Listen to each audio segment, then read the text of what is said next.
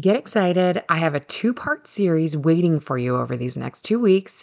I had the honor of being on the Not So Taboo podcast with Dr. Nick Gentry, and I was so excited about our episodes together that I thought, we have got to share this with our direction not perfection community. I believe that there's just there's so much with weight loss and aging that we've only skimmed the surface with our true understanding. So my promise to you is that we will forever be hunting down the new research seeking to understand the individual needs and interviewing the experts that can help us grow in our knowledge so that we can feel empowered to continue asking the questions and making the health changes necessary necessary to age into our best self. Mm, and this is why I love Dr. Gentry's wisdom and this interview. Dr. Gentry is an experienced Northwest Arkansas physician, board certified ER doctor, and functional aesthetic and regenerative medicine specialist. He is willing to look outside of the traditional medical practices, look at the big picture, the whole patient, by investigating labs, nutrition, and fitness components, and, and viewing it through a lens that is individualized for each patient. So, for anyone who's frustrated with their own weight loss efforts, who feels like once they hit 40, nothing works like it used to, who need hope that there are medical experts who can help with specialized needs and understanding, you will want to stay tuned.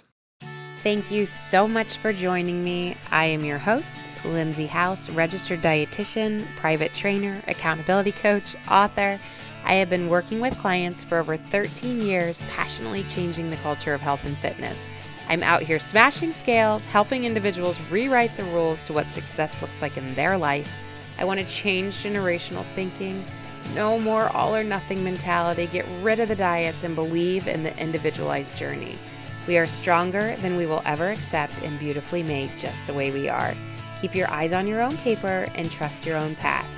Thank you for trusting me and letting me be a constant encouragement through your week. Let's get this motivation started. Welcome to your podcast, Direction, Not Perfection.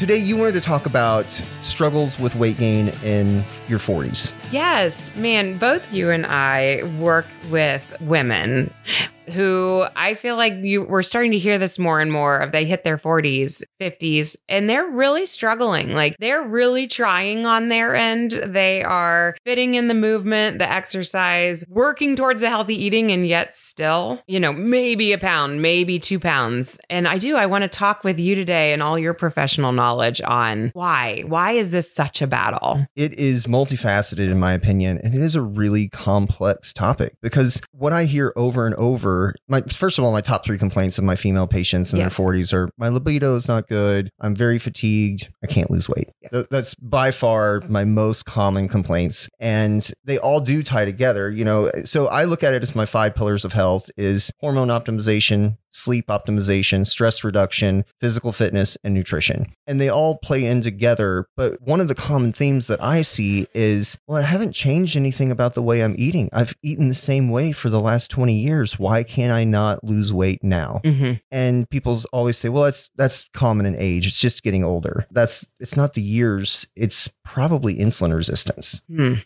So, what we don't realize is gradually gaining insulin resistance as we get older from poor food choices. So, you get a spike in blood sugar, your insulin level goes up. That's normal. Insulin takes glucose into your cells. But over years, these repeated insults of too much sugar from soda, from processed foods, your insulin levels keep spiking higher and higher, and you develop cellular insulin resistance, meaning your cells don't respond to the insulin as well. Mm-hmm. But what we're now realizing is that the beta islet cells in your pancreas actually burn out. And so they can, and this is not fully understood why it happens in some people and doesn't happen in others, but the beta islet cells produce insulin. They can grow larger, so they can hypertrophy. They can actually divide and increase their number, but they also die off. And in most people who develop insulin resistance, the cells will try to adapt. You'll get larger cells, you'll get more cells, but eventually requiring those high levels of insulin basically burns your beta islet cells out and they start dying off. And so, what people don't realize is that your blood sugar is normal for years and years, even though you have insulin resistance. because your body is making more insulin to keep your sugar at the same level as it was five, ten years ago. Eventually, your sugar starts going up because you lose enough beta islet cells that you can't make enough insulin anymore. So let me ask you this. What are there any watch out points earlier? Because if we're not seeing it on lab work, is there anything else that you're seeing within your clients where you're like, we could have caught this a little earlier if? Yes, you can do it with lab work. And so, first of all, I do a hemoglobin A1C on all of my patients. About three years ago, I started doing this. And a hemoglobin A1C for our listeners is a blood test that is a good estimate of your blood sugar over a three to four month period. Mm-hmm. Most doctors, unfortunately, just do a random fasting glucose. And by only doing that random fasting glucose, you're missing a big, big portion of people that are developing insulin resistance. Even an A1C, you're still going to miss some people that have insulin resistance. In my opinion, if you're really looking for it, you need to be doing fasting insulin level. So it's a simple lab test that can be done. I don't always do it because I try not to drive people's laboratory bills up. Sure. So I start with an A1C. The problem with that is that if you look at most laboratories, and I, I use LabCorp, they consider below 5.7% A1C as normal. More research into functional medicine and preventative medicine is actually showing that probably more like 5.4 and below is much more ideal. By the time someone gets to 5.5 or 5.6, they're teetering on the edge of that that cliff where they're going to start getting hyperglycemia. And so I check in on all my patients, and, and my patients are healthier than the general population because they're willing to come pay out of pocket to see me to try, just like your clients are healthier than the general population. 40% of my patients are pre diabetic. Wow. 40%. Wow. And they don't know it most of the time. And and a lot of them, I mean, my male patients sometimes will come in and they're like, oh, I haven't seen a doctor since I had the flu back in 2004, you know. But my female patients typically go to the doctor. They're like, well, why didn't my primary care doctor find this? Why didn't my gynecologist find this? Because they didn't do the test. Right. And I'm finding that with vitamins too. You know, the, a lot of doctors nowadays are throwing in the vitamin D or they're throwing in a B12 if they need it to see it. Iron's missed sometimes. Like, I don't understand. I know it's driving up cost, but to throw some labs on, where is the barrier? Why are we not checking these things? And for our common listener right now, should they be requesting? Like, if you had, I would always request X, Y, and Z, what would that look like? So, on all of my female patients, yeah. I get your normal CBC, so your red blood cell, white blood cell, platelet counts. I do a CMP, which gives you your kidney function, your electrolytes, and your liver enzymes. I check a magnesium, I check a vitamin D, I check a vitamin B12, I check iron studies, and then I check thyroid hormones, including most doctors only use a TSH. I do a TSH, a free T3, and a free T4. And then I do testosterone, free testosterone, estrogen, and progesterone. So I do that on all of my female patients. And then if during their initial assessment, I need something more, or the lab studies show something concerning. Maybe their A1C is borderline. Maybe then I get an insulin level. And so I have that's my screening panel for all my female patients. And then after that is individualized. Okay. So, but they are coming in with their, I would like to lose weight, or I'm struggling to lose weight. And that's why you're giving that panel, or give like everybody's why of why they're walking in their door. And then you would still want to draw all these labs? I start with that panel on all of my female patients. All, it doesn't matter why they walk through your door. Nope. And then if they have other specific complaints or I find something on that panel, we may do future testing. But most of my patients, if they start hormones, I'm going to get some follow up labs in a couple of months anyway. Mm-hmm. And so I can always add whatever those follow up labs, like say I want the, the insulin level, then I do it. Uh, i forgot. I also do cholesterol on them. I yeah. didn't mention that. So I can always get those add ons later, you know, to, to try to avoid sticking them again. Cause I may want to do food sensitivity testing. I may want to do, you know, just follow up hormones. It just depends on, on the situation. Okay. So we veered away from the hemoglobin A1C for a second. So again, for the listener, if they are in this age frame, they're worried about not being able to lose, weight, like, should they be walking into their gynecologist or their endocrinologist, whoever they're seeing, and really be requesting this? I know you're not asking me to get it, but can I get my A1C drawn with you today? Yeah, and it's an inexpensive test. It's it's I mean, it's like a $20 test or something. It's, it's not expensive at all. Yeah. And I would say if you're over the age of 30, maybe 35, you should be getting an annual A1C. Okay. Every year.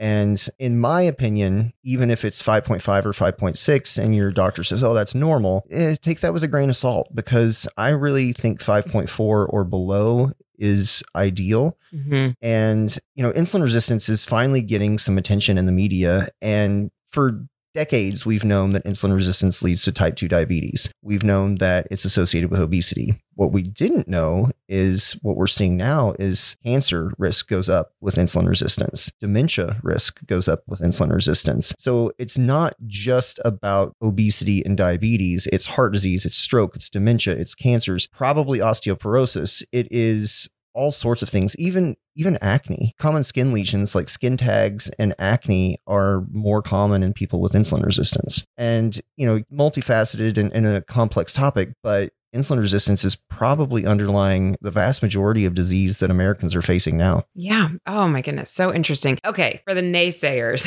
out in the world, because you, I think you, I, most people probably know your background, ER doc, but go into that because you have jumped ship into this other area of more holistic, of more functional medicine. And I have to say that I still talk to a lot of physicians who really, I feel like have a big barrier up against this. You know, your ordering of what you put on your labs that they would say that's unnecessary. We don't need that. Or for the individual who's going, it's just extra money. I don't need to spend it. Like, how do you have that common talk with your clients? Because obviously you're in this, you've always been in medicine for the the good of your patient. Like that sure. is why you enter the door. And I think that's why most medical professionals start. We care. We want to change. We want to help people's lives. Absolutely. Every doctor, nurse, anybody in healthcare, virtually everyone I know entered because they really wanted to help people. In my opinion, medicine has become very reaction based. It is not preventative. Even your primary care doctor, they spend on average six or seven minutes with you in a visit. There's only so much you can accomplish. You know, most of my visits are 45 minutes. Mm-hmm. So, emergency medicine is sort of the king of reaction medicine. It is okay, well, this bad thing happened. Let's react quickly and try to stop the damage or reverse the damage. But I felt like medicine in general was a group of doctors standing around a conveyor belt full of patients, slapping band aids on these people and hoping that that band aid stayed until they got to the next doctor. And then the other part is medicine has become so segmented. You know, the cardiologist only cares about your heart and your cholesterol. Your, you know, gynecologist only cares about your pap. Your whatever the case is, GI doctor only cares about the stomach and the colon. So everything is, oh, we'll just ask so and so or let's send you to another specialist. And primary care doctors are so overwhelmed that they're seeing 40 plus people a day and it's very difficult to be holistic in your approach i also think it, it, to no fault of their own they're so busy they don't keep up sometimes with the current research and they don't have the time to sit with their patients for 45 minutes. Which you and I were talking before we went on mic here, but that you give your clients, your patients 45 minutes of covering everything, right? Mm-hmm. From from fitness to food to labs. Go into all of that because I think this is so interesting and I think it sets a new expectation of we should expect we might have to pay for it, but an expectation of we deserve to have all of these areas looked at. Absolutely. Yeah. And women are much better at it than men. you know, like I mentioned, men, I literally will see men that haven't seen a physician in years because men will only go to the doctor if something is wrong. Yeah. Women are typically better at self care. Now, I will say that mothers often neglect themselves sure. because they put everybody else first and their their needs come first. But women, as a general rule, as I see it, are much better with self care. And so uh, we're going to focus more on women today. But people may ask me, you know, with the five pillars of health, well, how does stress affect weight gain? Mm-hmm. Well, stress affects lots of different aspects of your life, but specifically cortisol levels go up chronically with with chronic stress. Cortisol increases glucose, which leads to insulin resistance, which leads to weight gain. How does sleep affect weight gain? So the studies show that, and this has been shown several, several times, is if you sleep less than seven to nine hours on average, you will eat more during the day. And with sleep deprivation, also goes cortisol levels can go higher. Your testosterone levels may be lower, but they've looked at people who have sleep deprivation and they tend to eat 20 to 30% more calories during the day. And they often tend to be sugar based because your brain, when it's tired, glucose makes it feel better in the short term. Mm-hmm. Let's take our common listener who's going, uh oh, I don't sleep well. I know I'm stressed. I know my eating habits aren't there. What's your typical talk around what do you attack first with your patients? So I try to get them to look at their health as a priority. And this is where people get overwhelmed, you know, whether it's social media or just the general media attention. Everybody has this sort of perfection ideal in their mind. And I think a lot of people, you know what, I'm a little overweight. I'm not fit like I used to be, or maybe I never was. And you see these Instagram models that are 25 years old and they have a six pack and a great butt. And, and that's just not reality. Mm-hmm. You know, like mm-hmm. that, that is fantasy. And frankly, what does a 25 year old influencer know about health and fitness? Nothing you know, like it's real easy to be fit and toned when you're in your 20s. But people get overwhelmed of they have to have this perfection. They're like, oh, well, I don't want to eat chicken breast and broccoli for dinner every night. And they don't realize that you don't have to be perfect. You just have to make strides to be healthier. And so it's it's difficult. And I'm sure you can speak to this more than I can, is getting people to not be obsessed with the number on the scale, to not be obsessed with working out seven days a week and just getting them to make healthier strides. So I very long answer to your question. I, I look at it as to all of the pillars of health. I send them dietary guidelines. So I wrote like a five page thing that talks about dietary guidelines. If they haven't done any sort of physical activity in a long time, I give them like an intro. Hey, this is for people that haven't exercised in several years just to get you started over the next couple of months, all the way to you know, I have people that do marathons and triathlons versus I also have people that haven't set foot in a gym in 10 years. And then I obviously look at their hormone levels, their nutrition. So I try to get them to sleep better. Often progesterone deficiency in women can lead to anxiety and sleep disturbances. And so if they're deficient in progesterone, I replace that by mouth because the the way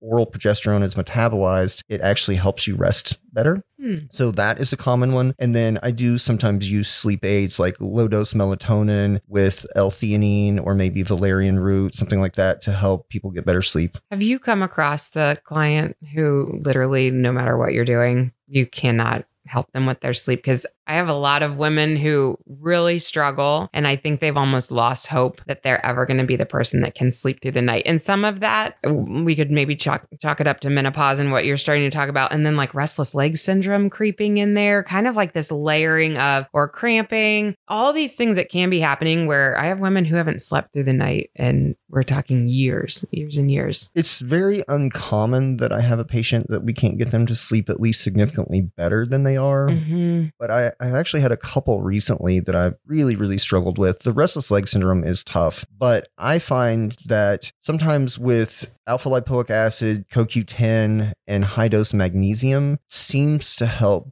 restless leg syndrome better than anything. And often exercise will help those patients as well. Although I had one this week that said that every time she exercises, her restless leg gets way worse. And I'm like, oh, I know. That's I've not heard, good. I've heard there's a fine balance with it that too much exercise exacerbates it, but enough exercise calms it. The most helpful thing I found is, and I sometimes will use L-theanine as well, which L-theanine is just good for anxiety mm-hmm. and it's good for just sort of getting your mind to calm. And I find that that sometimes sometimes helps restless leg as well. But the most helpful thing I've found is just getting their magnesium levels really high. Can you tell everybody what L-theanine is? L-theanine is a supplement that is found in green tea and certain types of mushrooms in small amounts. But when you take it in large amounts, it helps calm the brain. It's it's associated with uh, norepinephrine metabolism and production, but I use it for stress, for sleep aid, for anxiety. I have, I mean, dozens of patients that I've had that say benzodiazepines like Xanax or Valium daily. Mm-hmm. And I'm actually able to get them off of those benzodiazepines using L-theanine as a tool. Is that one of your goals? When you look at this huge med list and you start to say, you know what, we can really tackle this with supplements, is that your ultimate goal? Food, supplements using kind of more natural approach? Or yes. is it a combination? It, it is a combination. So there are certain certain situations where you need the prescription, right? Mm-hmm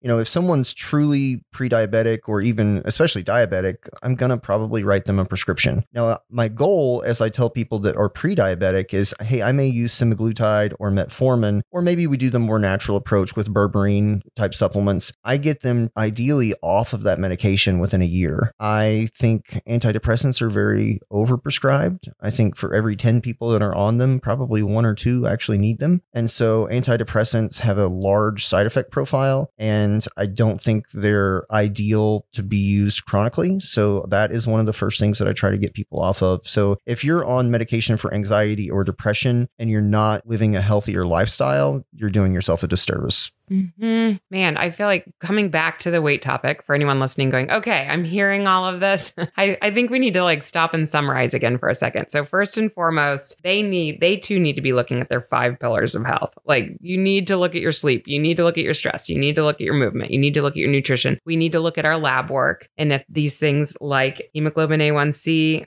are not being looked at, we need to look at that. And most doctors, if you just ask, like, hey, can I add a hemoglobin A1C? That I really think most physicians would be like, yeah, sure, no problem. You know, I agree with that. I've hit the other where they kind of, I've had a physician actually just push the script across the way to me and be like, just tell me what you're looking for. Annoyed. but like, and that was for something simple. I feel like it was vitamin D and magnesium. And those are just normal ones on your lab. In some states, patients can actually go to a lab and get whatever lab test they want. Mm-hmm. You may have to pay for it. Your insurance may or may not cover it. But in Arkansas, you have to have a, a healthcare provider order. To order it. Yeah, it just kind of depends. Yeah. Okay. So let's keep going on the weight loss barriers. You had mentioned metformin. Mm-hmm. And I'm going to bring this back up because sometimes I feel like there's this equation in my head of nutrition plus fitness, plus sometimes we need another element that ultimately equals what we're seeking, whether that's weight loss or whether that's just optimal health. And I feel like we're missing that next aid, that next thing that can help if we are hitting barriers like insulin resistance or like, do you ever feel like your clients could be perfectly eating and working out and really still not getting the results they're wanting because they're missing that next plus. Yes, especially if they've gotten too far down the road of insulin resistance. Mm-hmm. That's when I use those medications. So if I want to do it more on a natural approach, and I, and I frequently give patients the options of like, hey, we can do a pill, we can do an injection, we can do a supplement. And some people say, you know what, I really want to stick to the more natural approach. And so maybe I use a supplement that has berberine, alpha lipoic acid, chromium, resveratrol to try to help improve insulin resistance. So berberine has tons of studies that actually show it does improve insulin sensitivity, which is great. Metformin is very cheap. It's been around for 50, 60 years. It's cheap, it's safe, and it works. And so I frequently use metformin. And then recently, in the last year or two, semaglutide has gotten all sorts of attention. Now it's expensive, but it does work. So it helps kind of to tell the brain that you are full, even when you're maybe not as full as you were before. It helps your liver not produce sugar and it also helps your body produce more insulin and your body to use that insulin better. So I'm seeing some amazing results with it, but it does have some side effects like nausea and altered taste, just GI disturbance. But it's very expensive. Right. Versus the metformin, like we were talking about. So if somebody wasn't paying out of pocket because maybe they don't have the funds and they they go in, but they do get their hemoglobin A1C and it does feel elevated, but their doctor's not currently doing something about it. Do you feel like it's appropriate for them to have the conversation? Could I try metformin? Would that be something that Yeah, and you know, each physician may have a reason why they may or may not want to do it, but I frequently prescribe metformin for people that are barely pre-diabetic. And and I don't think most physicians would do that. But again, it's got a decades long safety record. It's at Walmart, I think like $5 a month out of pocket. If you don't have insurance, you can get it for, I think, $5 a month from Walmart. It's very inexpensive. So I will frequently put people on metformin for, say, a year to try to get their insulin resistance improved. And then we also look at the other hormones, you know, testosterone, for instance. You know, I do a lot of testosterone estrogen pellets. I treat a lot of hormones, but people always think, well, if I just get the testosterone pellet, I'll lose weight. I'm like, well, okay, so testosterone can give you better motivation to go to the gym. It can help you recover better in the gym and build more muscle. But it's not like you can get the pellets and just sit around on the couch and lose weight, you know. And so I use a lot of different things. And, and I use other weight loss drugs. You know, I, I do naltrexone as an appetite suppressant to help with sugar cravings. I do Topamax to uh, as an appetite suppressant. I use phentermine sometimes as a stimulant and appetite suppressant. So you can use all of these things, but I think in a way it all boils down to psychology as well. And I'm sure you deal with this a lot. People get overwhelmed and people get frustrated. You know, hey, I, I can I can lose that first 10 or 15 pounds and then after that, I just get stuck. And so that's when I would use maybe one of those other medications to get them over that plateau, to get them over that hump. Yeah, I like that. I have a case study for you actually, because I have a client who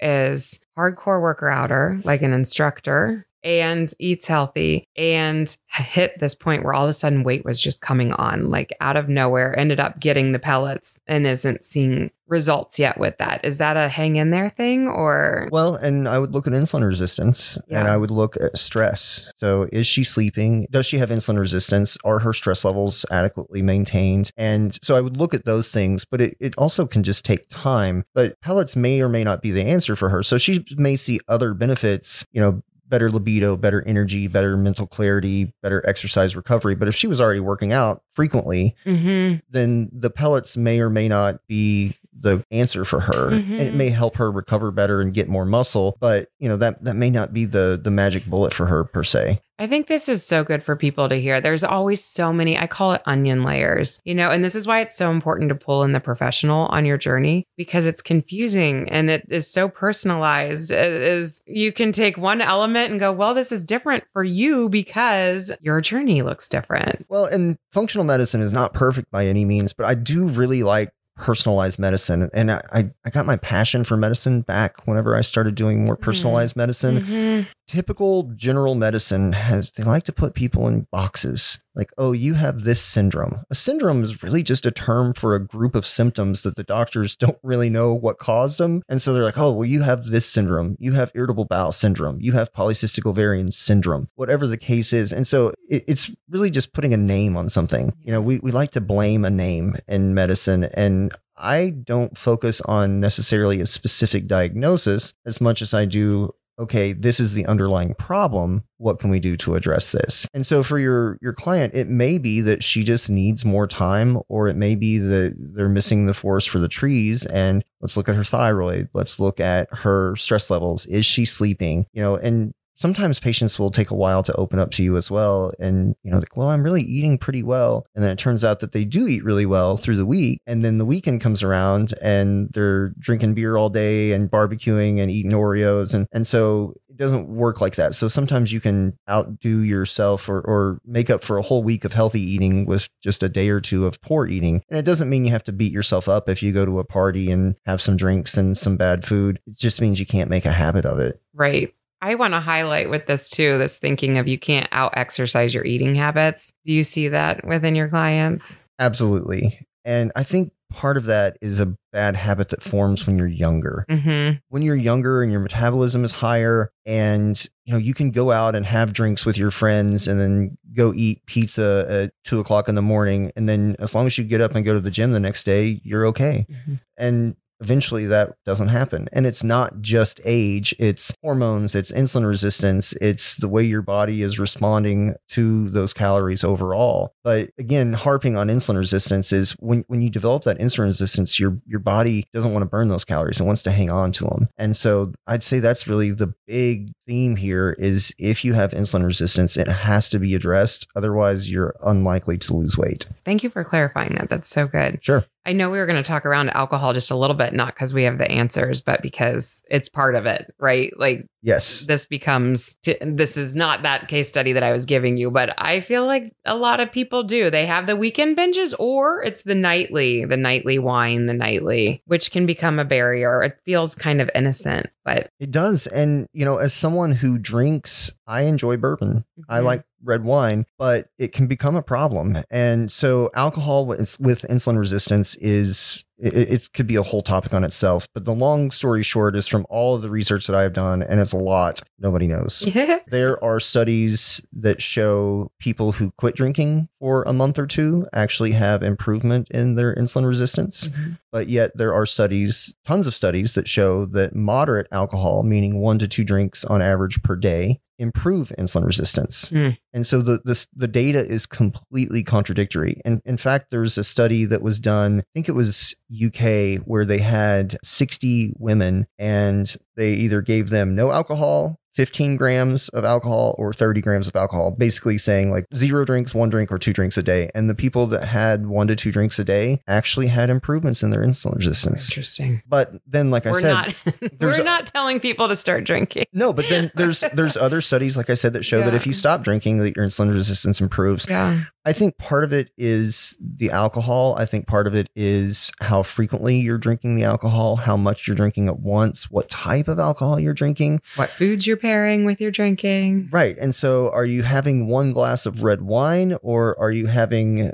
you know, one glass of sweet white wine because the sugar difference may be a 40 calorie difference there. And then again, you know, are you having a, a bourbon on the rocks or or neat or are you making a cocktail and putting simple syrup in in it and cherries in it. And so I think it's difficult to do that because it's the alcohol can't be completely isolated. And then to your point, are you having the glass of wine by itself or are you having that glass of wine with several slices of pizza or cheese and crackers? Right. Yeah. it's it's it, it is very very difficult, but my other theory is heavy alcohol has been shown that it probably does influence insulin resistance, but it may not be how we commonly think of it. It may not be that it's the calories. It may be that heavy alcohol leads to a toxic effect killing off your beta islet cells and your pancreas, therefore leading to insulin resistance. And so that's just a theory that's out there, uh, which I happen to believe, but it may or may not be true. Right. I feel like we'd be remiss if we don't talk about weighing. Since I have you here and you've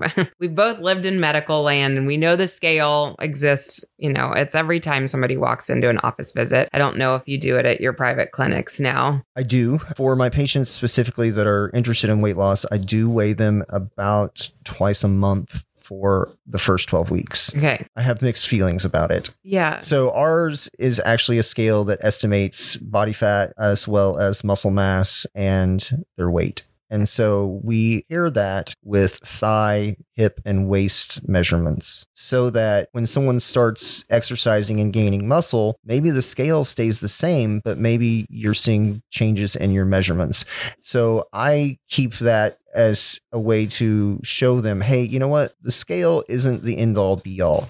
Don't get too focused on that number because you may not see the change in the scale, but you may see the change in how your clothes fit or how you feel about yourself. And I try not to get too obsessed about the number. I mean, yeah, if you look at BMI, roughly 75 80% of the adult population in the US is overweight or obese. Mm-hmm. Literally 75 to 80%. It's nuts. But the BMI isn't perfect either. You know, if you have a man who's very muscular, his BMI may say that he's overweight, but he may have six, eight percent body fat. Right. So I try not to get too obsessed with the scale. And I, I often tell people don't weigh every day. Don't even maybe weigh every week. Twice a month is plenty. Yeah. What are your thoughts on on the scale? Yeah, I, I've come kind of full circle. I definitely hit a point in my career that I was smashing them because I was so sick of hearing women come in and they would tell me all the beautiful things that had happened that week. You know, they'd increased their steps, their pedometer steps were going way up. They didn't eat out that week. They they had better communication with their kids, like their life was flowing. And then I'd walk them over to the scale because that was our protocol in the hospital. They'd get on and it wasn't the number they were expecting. And you'd see it in their face, they'd lose their whole motivation. They just it took a whole hour session with them to bring them back up to caring about their journey again. So there was definitely a point for me where I was like, this is mentally just bad bad news, but I also see a place for it. And I'm I'm more where you are that a couple times a month or once a month where we can it can be part of the journey and yes it's good to kind of have a baseline there but i believe really strongly in measuring our wins. So however people want to go about that tracking them like maybe you keep a calendar where every day i drank my water i intentionally meditated or moved i most people cannot tell you all the good things that they've done in a month unless they've written it down and they can visually see it and you've probably recognized this. You can have five great days strung together and then have two where you didn't get a chance to work out or didn't get a chance to eat healthy. And it feels all of a sudden like, oh my gosh, it's been forever since I've eaten healthy. Like our brain plays with us on sure You know, so I just think it's good for us to really get used to. It's the pat on the back that a lot of us aren't willing to give ourselves, especially if something comes easy. Like if drinking water already comes easy to you, most people don't go, check mark, I drank my water today because it was easy. And why do I give myself credit for something that sure. comes easy? So I think it's a combo of crediting ourselves when it already fits and flows, and then also seeking out those opportunities for the small changes. Sure. And we're running out of time. I always get long winded, so I apologize for that. But I did want to make one last point on the number. So frequently people say, well, I gained three pounds in two days, or I lost three pounds in two days. So a pound of fat has 3,500 calories. It is very unlikely that you burned 7,000 calories in two days. So when you see fluctuations from day to day, it's liquid, it's water. So you're either hydrated or not, or you have retained water because of changes in hormones or changes in salt intake or whatever the case is. So, same thing with these low carb diets. You know, oh, I, went on low carb and I lost 30 pounds in a month. Well, there is no way you lost 30 pounds of fat in a month. So, what you're seeing is that those carbohydrate chains aren't holding on to all that fluid. And so people have to be realistic. And so if you are really, really numbers focused, if you can lose four pounds five mm-hmm. pounds a month consistently, yeah. that is very, very good. And I think that sometimes people, again, possibly because of media and and everything else being sensationalized of, oh, I went on keto and I lost 68 pounds. Yeah, okay. But as soon as you start eating carbs again, you're gonna gain that back because a lot of that is water. Right. And so if you do need to be focused on the weight loss, focus on it long term and think about it as fat loss, not just weight loss. That's so good. Yes, well said. Well, thank you so much for being on. And I really enjoyed our talk. I'm sorry I got a little long winded on this episode. Didn't. It was wonderful information. Thank you so much. I can't wait to have you back. Thank you. Not So Taboo Longevity, Aesthetics, and Sexual Health with Dr. Nick, produced by me, Brock, with Civil Republic. For more information on Dr. Nick or to ask him a question, find him on Instagram at Dr. Nick Gentry or go to his website, rejuvenatedmedspa.com. Don't leave yet. I have a free meal planning gift for my listeners in the show notes. Just click the link and you'll get meal planning handouts and a video of me walking you through how to assess your current meal choices, as well as building a future healthy meal plan. This would be something I would do if we were sitting across the desk in a consult together. It is meant to be a jumpstart for immediate as well as long term meal planning success, and I will continue to offer more helpful guides and ideas as we go. Thank you again so much for joining me today. If this topic served any purpose for you, or you can picture that exact person who needed this. I'm always honored when you share the podcast. We are making 2023 the year that we are going to pour motivation and inspiration onto others. I also always appreciate it when you leave a review on iTunes and rate the podcast.